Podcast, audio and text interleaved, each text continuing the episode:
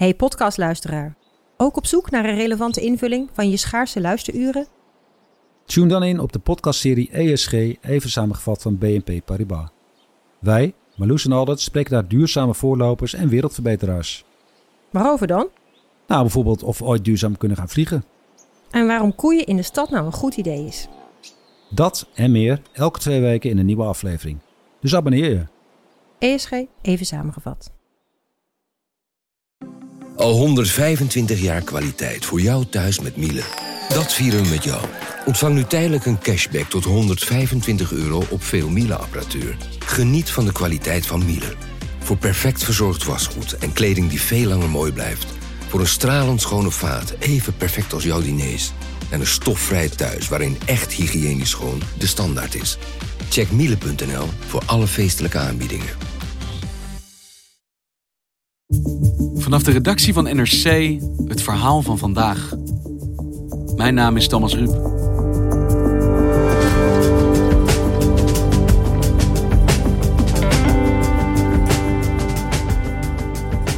Duizenden mensen stierven tijdens de bloedige acties die Nederland na de Tweede Wereldoorlog uitvoerde in Indonesië. Een van de doden was Masdulhak Nasution, een hoge ambtenaar die op gruwelijke wijze werd vermoord door Nederlandse militairen. Eén vraag laat NRC-redacteur Frank Vermeulen al jarenlang niet los. Waarom moest Masdoel dood?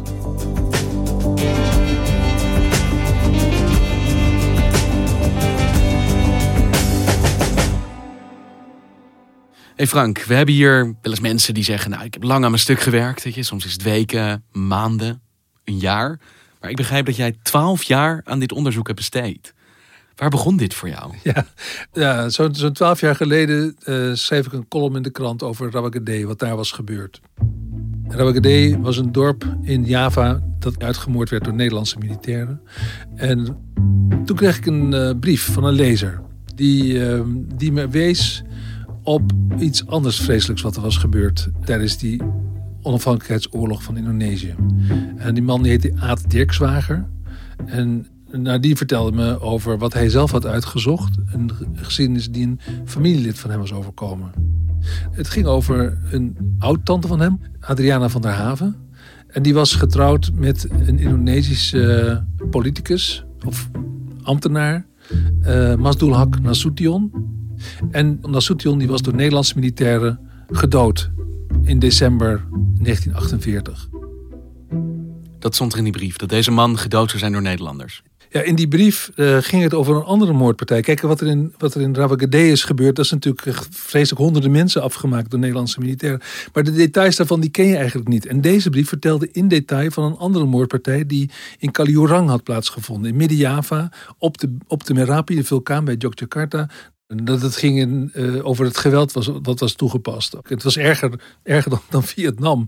En ik dacht echt, hier moet ik eigenlijk meer van weten. Dit moet ik eigenlijk uitzoeken. Om te zien wat hier gebeurd is destijds. Ja, ja, en waarom. En wat ben jij gaan doen vanaf dat moment, twaalf jaar geleden, dat jij voor het eerst hoorde van deze moordpartij? Kijk, je gaat op zoek naar documenten in het Nationaal Archief. Dus je komt van alles tegen. Je komt dagrapporten tegen van, uh, van militaire verslagen, documenten van ambtelijke rapportages. Allemaal afstandelijk, allemaal feitelijk. En uiteindelijk heb ik ook in handen gekregen brieven die geschreven waren door de weduwe van, uh, van Natsution, Adriana van der Haven. Die zij geschreven had na de moord aan een buurvrouw in Nederland. En die waren heel erg aangrijpend. Dat ging over hoe zij dat beleefd had destijds. 18 december werd ons vierde zoontje geboren. Mastul heeft de kleine nog net kunnen zien. 19 december de inval van de Hollanders. Ik lag met de pasgeboren baby onder het bed in het ziekenhuis tijdens de bommenaanvallen. Daarin vertelt zij hoe zij aanvankelijk van nergens van wist. Want zij zat toen het gebeurde niet in Kaliurang, maar in Yogyakarta. Was aan het bevallen van een kind. En ehm, pas toen ze weer na een week, want ze had last van kraamvrouwenkoorts. Toen ze na, na, na zeven dagen weer boven kwam. Op Kaliogang aangekomen trof ik de jongens vervuild en verwaarloosd aan. En een volkomen leeggeplunderd huis. Alles weg. Kasten en deuren kapot, geen eten meer, geen geld en alle sieraden Fuji. En dit zijn documenten die jou bij elkaar een beeld geven van de betrokken personen. En dan met name dus Masdoel, degene die gedood is. Ja, precies. En mij greep dat aan ook, omdat je vaak hoort over mensen die zijn gedood in Nederlandse militairen, maar je weet nooit wie het zijn. En in dit geval weten we heel erg veel over dit slachtoffer. En daarom ga je er dan weer ook steeds meer van weten. En van wat er aan vooraf is gegaan, voordat het, het eh, op zo'n manier tot een einde kwam. En wat ben jij te weten gekomen over zijn leven? Wie was hij? Hij ging op vrij jonge leeftijd uh, naar Nederland om te studeren. Dat, dat deden vaker uh, intellectuelen uit uh, vooraanstaande families uit Indonesië. um, rechten, want dat bood een mogelijkheid tot bestuursfuncties, et cetera. En hij is geïnvolveerd geraakt in een nationalistische beweging... die onder Indonesische studenten in Nederland tussen de wereldoorlogen heel actief was. En hij was dus in Nederland, maar wel geëngageerd tegelijkertijd met Indonesië en het verlangen naar onafhankelijkheid. Ja, onafhankelijkheid van Nederland. Want ja, voor deze Indonesische studenten en ook natuurlijk veel, veel mensen in Nederland was glashelder dat de koloniale situatie zoals die, zich, uh, zoals die was tussen Nederland en Indonesië er niet één was die tot eeuwig, voor eeuwig door kon gaan. Toen ze getrouwd waren, wilden ze eigenlijk naar Indonesië gaan. Maar toen brak de oorlog uit en konden ze niet meer in Indonesië. Toen besloot hij te promoveren. En toen? Goed, je, je weet dus dat ze in de oorlog in Nederland zijn geweest. En dan uh, probeer je na te gaan of er bronnen zijn, mensen zijn die hun gekend hebben. En bij toeval, weer een lezeres die schreef, nou, dat ik iets geschreven had in de krant over Indonesië, meldde zich uh, het buurmeisje van, van de familie Nasution. Je kreeg weer een brief. Ja, van, van mevrouw Vinksmaas, een buurmeisje uit Utrecht uit de oorlog, die om de hoek had gewoon bij de familie Nasution, die dus van nabij hun had meegemaakt. Dus ik moest, ik moest haar spreken. Alles kon daar altijd.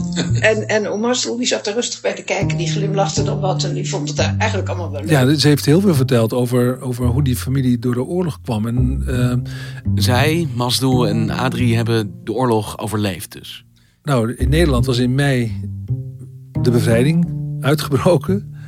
Maar op 15 augustus uh, 1945 capituleerde Japan. En twee dagen later werd de Indonesische Republiek uitgeroepen. Het levensdoel eigenlijk van al die studenten die hier in Nederland waren gebleven. Dus Masdoel wilde meteen terug naar Java. En, en Adrie ook. Terug naar zijn voor het eerst onafhankelijke thuisland. Ja, ja en dat deden ze dus. Zij kwamen uiteindelijk terecht in, in Yogyakarta. Dat is de hoofdstad van de Republiek. Het ligt midden in Java. Uh, en hij werd daar regeringssecretaris bij zijn goede vriend uh, Mohammed Hatta. Dus hij kwam in de regering terecht? Ja, als, als regeringssecretaris. Hij was dus geen politicus, maar een hoge ambtenaar. Dus hij was dicht betrokken ook bij het regime met, in van die jonge republiek? Ja. Want hoe was die situatie op dat moment tussen Indonesië en Nederland toen hij daar aankwam? Nadat Sukarno en Hatta de onafhankelijkheid hadden uitgeroepen, is Nederland in beweging gekomen, want die wilden hun uh, kolonie niet kwijt. En um, uiteindelijk mondde het uit in een wat in Nederland noemde politionele actie. Dus dat was een, een soort beperkt militair optreden om de orde en rust te herstellen. Dit zijn de eerste opnamen betreffende de militaire actie in Indonesië, genomen op het vliegveld van Semarang. Troepen klaar voor het vertrek per vliegtuig naar de Republikeinse hoofdstad in de ochtenduren van zondag 19 december. Zij behoren tot de eersten die voet zullen zetten op Republikeinse bodem in een actie die even onvermijdelijk als noodzakelijk is om Indonesië voor algehele chaos te behoeden.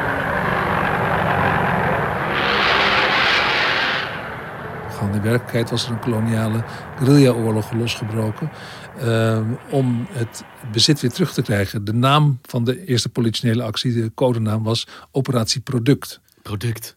Product. En dat ging dus om suiker, om koffie, om uh, mineralen die uit de grond komen. Die gewoon, Nederland had het gewoon nodig, want het was straatarm geworden. Maar Operatie Product werd onder internationale druk stilgelegd. Maar ondertussen wilde het leger nog steeds de republiek uitschakelen. Voorop in het midden gaat de eerste minister en vicepresident der Republiek, Mohamed Hatta. Per jeep wordt de president der Republiek, Sukarno, afgehaald en naar het Nederlandse hoofdkwartier vervoerd voor een onderhoud met de Nederlandse bevelhebber. Ja, want profiteren, dat lukt natuurlijk niet als het een onafhankelijk land is. Nee, en bovendien was er guerrilla bezig en werden, waren er tegenaanvallen van, van, uh, vanuit de Republiek. Dus daarom bleef het leger hameren op, we moeten die club uitschakelen. En uiteindelijk is er in 48 onderhandeld over soevereiniteitsoverdracht in Krugerrang, maar dat mislukte. Dus werd een militaire operatie ingezet en die noemden ze Operatie Kraai. En die operatie die zou uiteindelijk het leven beëindigen van, van Massalak Nasution. Want dat is de vraag waarmee jij je onderzoek natuurlijk begonnen bent. Wat is er gebeurd met Masdoel? Eh, door wie is hij vermoord en waarom? Ja, dat, met name dat, waarom. Hè? Het, was, het, was een, het was een, echt een cold case. Dat is niet zomaar, dat is echt gewoon een cold case. Echt een whodunit. Ik moet naar de plaats delict, hè, zoals dat heet in een, uh, in een whodunit. Hoe die eruit ziet, waar die geweest zou kunnen zijn. Dus ik moest naar Java. En wat ben je te weten gekomen over het einde van Masdoel? Nou, ik wilde spreken met zoveel mogelijk mensen die me verder konden brengen. Er zijn nog kinderen van Maslow Hak in Java. De tweede oudste zoon Tigor, die woont in Bandung in Java. En de zoon daarna, Paruhum, die woont ook in Jakarta. Eh, die twee heb ik opgezocht. Ik wilde historici spreken. Ik wilde mensen spreken in Kaliurang. Zoveel mogelijk mensen die me een indruk kunnen geven van... hoe kon dit zo op dat moment daar gebeuren? Nou, Tigor die, uh, was op het moment dat, uh, dat het gebeurde, een jaar of vier, vijf. En die vertelde wat hij zich wist te herinneren van wat, van wat er gebeurd is.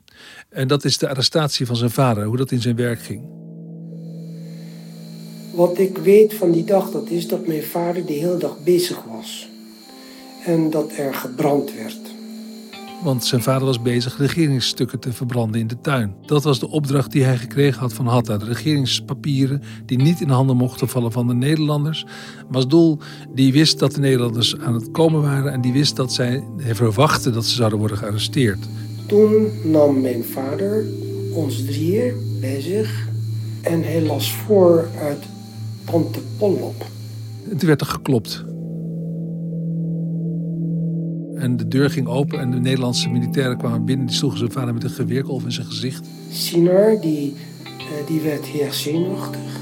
Ja, mijn vader praatte met hem en zei alsjeblieft, pas jij op je moeder, op je broertjes. Dat is altijd heel zwaar voor hem geweest. Mm. En mijn vader werd het huis uitgetrokken en uitgetrapt. De moeder die was op dat moment bezig te bevallen van uh, het vierde kind in, uh, in Yogyakarta. Dus dat is uh, op 12 kilometer afstand. De kinderen waren op dat moment, vanaf dat moment alleen thuis. Dan komt mama terug. Mama schijnt gevraagd te hebben, waar is mijn man? En niemand wist dat. wat is er verder gebeurd? Tigor die die, die kan het niet uit eigen ervaring vertellen. Die was er niet meer bij. Die bleef achter. Die bleef achter. Dus we, we hebben de brieven van zijn moeder. We hebben uh, het procesverbaal van het verhoor van de verdachte. En daaruit weten we dat Nasution een nacht is vastgehouden. Dat er nog vier andere mannen zijn gearresteerd in het dorp. En dat de volgende ochtend worden ze in de zon gezet. En dan moeten ze een uur of twee staan. En dan worden ze meegenomen in een jeep. Het dorp uit. Op weg naar een dorp dat iets verderop ligt. En dan bij de eerste grote bocht in de, in de weg naar rechts wordt halt gehouden door de jeep. Ze stappen uit. En ook Masdoel. Ook Masdoel. Masdoel is, is, is als eerste doodgeschoten op die plek. En tegelijkertijd is er een groot kabaal, volgens alle verslagen. Want de vier gevangenen die zijn achtergebleven, die op knieën aan de rand van een ravijn zitten, die horen een schot en die raken in paniek. Dus eentje die rent weg, die kon ontsnappen. Die is wel beschoten, gewond geraakt, maar is ontsnapt. Een tweede die verzette zich tegen de militair die hem onder schot hield, is in de ravijn gevallen, ook gewond. En twee anderen zijn van dichtbij doodgeschoten en vervolgens met een vlammenwerper bewerkt. Maar de vraag die blijft hangen is: waarom? waarom? Nee, dat is. Dat, die vraag die beantwoord je niet door, door te gaan kijken waar het gebeurd is. Maar je blijft er wel mee zitten. Je denkt nog steeds van, ja maar waarom, waarom worden mensen eerst een nacht lang vastgehouden en dan uh, de volgende ochtend standrechtelijk geëxecuteerd zonder dat er een uh, proces is geweest? Want waar begin je met het beantwoorden van die vraag? Waarom doet iemand dit, maar waarom hebben de Nederlanders in dit geval deze man vermoord? Ja, dan zijn er gewoon een aantal mogelijke scenario's te bedenken. het eerste scenario is dat het een vergismoord is, zoals we het nu zo noemen. Dat uh, Geelhoed en zijn mannen hem hebben geëxecuteerd omdat hij de belangrijkste militair aan de Indonesische kant zou zijn, die ook Nasution heette, kolonel Nasution, de, de, de leider van de Siliwangi-divisie. Dus hij deelde de naam met een bekende militair? Ja, en uh, dat bleek al snel niet waar te zijn. Nederland wist heel goed wie wie was. De intelligence van het Nederlandse uh, leger was, was, was zo goed dat de Nederlanders beter wisten wie waar zat van de Indonesiërs dan de Indonesiërs zelf. Nou, wat, wat altijd ook nog heel goed kan, is, is scenario 2, is dat het gewoon een, moedwillige moordpartij was. Zoals heel vaak gebeurde in, uh, in de Indonesië-oorlog. Er werden mensen langs de kant van de weg gezet, pang, en werd doorgelopen. Gewoon een executie zonder Eigenlijke reden. Zonder reden. Gewoon om mensen uh, te vermoorden omdat het kan. Het derde scenario, wat mij het meest plausibel lijkt, is dat, dat het samenhangt met het doel van operatie Kraai. Het doel van operatie Kraai was het uitschakelen van de republiek. Daarvoor moest de hoofdstad worden ingenomen, Yogyakarta. Daarvoor moest de politieke top worden gearresteerd, Sukarno, Hatta, Shagrir en de rest. En daarvoor moest de ambtelijke top worden geëlimineerd. Mensen die het werk deden voor de politici. Mensen die ervoor zorgden dat de dingen die ze bedachten ook werden gedaan. En dat is ook wat, wat Indonesische historici eigenlijk denken. Dat het gewoon een vorm was van terreur door de Nederlandse overheid. Als je hoge ambtenaren uitschakelt en op deze gruwelijke manier... dan is het ook een signaal aan alle andere hoge ambtenaren... die het werk doen voor de republiek. Pas op, als je dit doet, kun je op deze manier aan je einde komen. En wat jij te weten bent gekomen. Hoe is dat geland bij zijn familie, bij zijn zoons? Hoe reageren die op wat jij hebt uitgevonden over hun vader en zijn dood? Als je in Indonesië wat wil horen over mijn vader, dan kan je alleen maar horen van mensen die hem gekend hebben, die daar waren. In de Indonesische, geschiedenis. geschiedenis staat er niks over. Hmm. En daarom zijn ze blij dat ik, dat ik dingen uitzoek en dingen opschrijf, zodat er iets vastgelegd wordt over het leven van hun vader en over waarom dat hij dood is. Wat hebben zij ondernomen na de moord op Masdoel? Is er ooit gerechtigheid geweest voor deze familie die hun vader verloor? Ja, de Adriana van der Haven die heeft als een leeuw gevochten. Zijn weduwe? Ja, die heeft in 1950 een zaak aangespannen tegen de Nederlandse staat. Die heeft alles in het werk gesteld om rechtvaardigheid te krijgen gerechtigheid. En ze is heel ver gekomen. Er is een, een schadeloosstelling gekomen van de Nederlandse staat. Een groot bedrag betaald. Is dat dan ook een erkenning van verantwoordelijkheid door de Nederlandse staat? Zeggen wij hebben dit gedaan en daarom betalen we jou? Nee, dat is expliciet erbij gezegd dat dit geen schuldbekentenis was, maar een middelijke schikking om er van af te zijn. En zij heeft daarbij gezegd: Ik neem het geld aan, maar ik uh, accepteer dit niet. Ik hou jullie nog steeds verantwoordelijk. Dus het, en daarom zeggen, zeggen de kinderen ook: Het hangt nog steeds. Nederland heeft al die jaren nog steeds niet erkend dat Indonesië sinds 17 augustus 1945 onafhankelijk, een onafhankelijke staat is. En uh, een belangrijke reden daarvoor is dat ze het gevoel hebben, de Nederlandse staat het gevoel heeft dat ze daarmee de oorlog waar zoveel mensen bij zijn omgekomen uh, zinloos zou zijn geweest. Dus mensen zoals de moordenaars van Masdoel of mensen zoals hij of misschien beter nog hun opdrachtgevers, niemand van hen is vervolgd. Nee, dat is ook uh, op uitdrukkelijk advies. Die stukken heb ik ook teruggevonden in het Nationaal Archief van de, van de hoge ambtenaren. Die zeiden in 1954 niet aan beginnen niet aan beginnen aan het, het vervolgen van, eh, van oorlogsmisdadigers aan de Nederlandse kant. Want dan moet je ook gaan kijken wie heeft opdracht gegeven. Dat zijn militairen, dat zijn hoge militairen. De sneeuwbal rolt verder en uiteindelijk kom je bij burgerlijke politici terecht. En uh, dat kunnen we beter maar niet gaan doen. Toen is de zaak in de doofpot terechtgekomen. En dit is een zaak waar jij twaalf jaar lang mee rondloopt. En uiteindelijk leidt het ertoe dat jij op de plek bent waar het gebeurd is. Ja. In detail hebt uitgevonden hoe deze man Masdoel aan zijn einde is gekomen. Maar wat heeft het jou geleerd? Wat heeft het jou aan inzicht geboden in deze geschiedenis? Voor mij is het altijd een verhaal wat ver weg blijft, omdat, omdat je leest over grote aantallen anonieme slachtoffers. En, en dit verhaal van deze twee mensen die Nederlands zijn en Indonesisch en met elkaar getrouwd zijn en kinderen hebben waarvan er dan eentje vermoord was, is, is voor mij een mogelijkheid om dat verhaal van die oorlog van binnenuit te vertellen. Kijk, er wordt altijd gezegd: Indonesië is de Vietnamoorlog van Nederland. Maar dat was het niet. Want die Amerikanen die in Vietnam vochten, zaten in een vreemde wereld, in een vreemd land, te vechten voor iets waarvan ze niet wisten waarom ze het waren. In Nederland was het een familieruzie. Mensen wisten precies wat Indonesië was, wie Indonesiërs waren en wat ze daar aan het doen waren. Het was de kolonie geweest. Die moesten ze terug hebben. En het is gewoon tijd dat ze dat onder ogen zien. Dat het gewoon waar is. Dat het, het was een zinloze oorlog. Dankjewel, Frank. Alsjeblieft. Je luisterde naar vandaag, een podcast van NRC. Eén verhaal, elke dag. In deze aflevering hoorde je passages uit de brieven van Adriana van der Haven, weduwe van Masdouhak Nasution. Die werden voorgelezen door Joyce Roodnat. Dit was vandaag, maandag weer.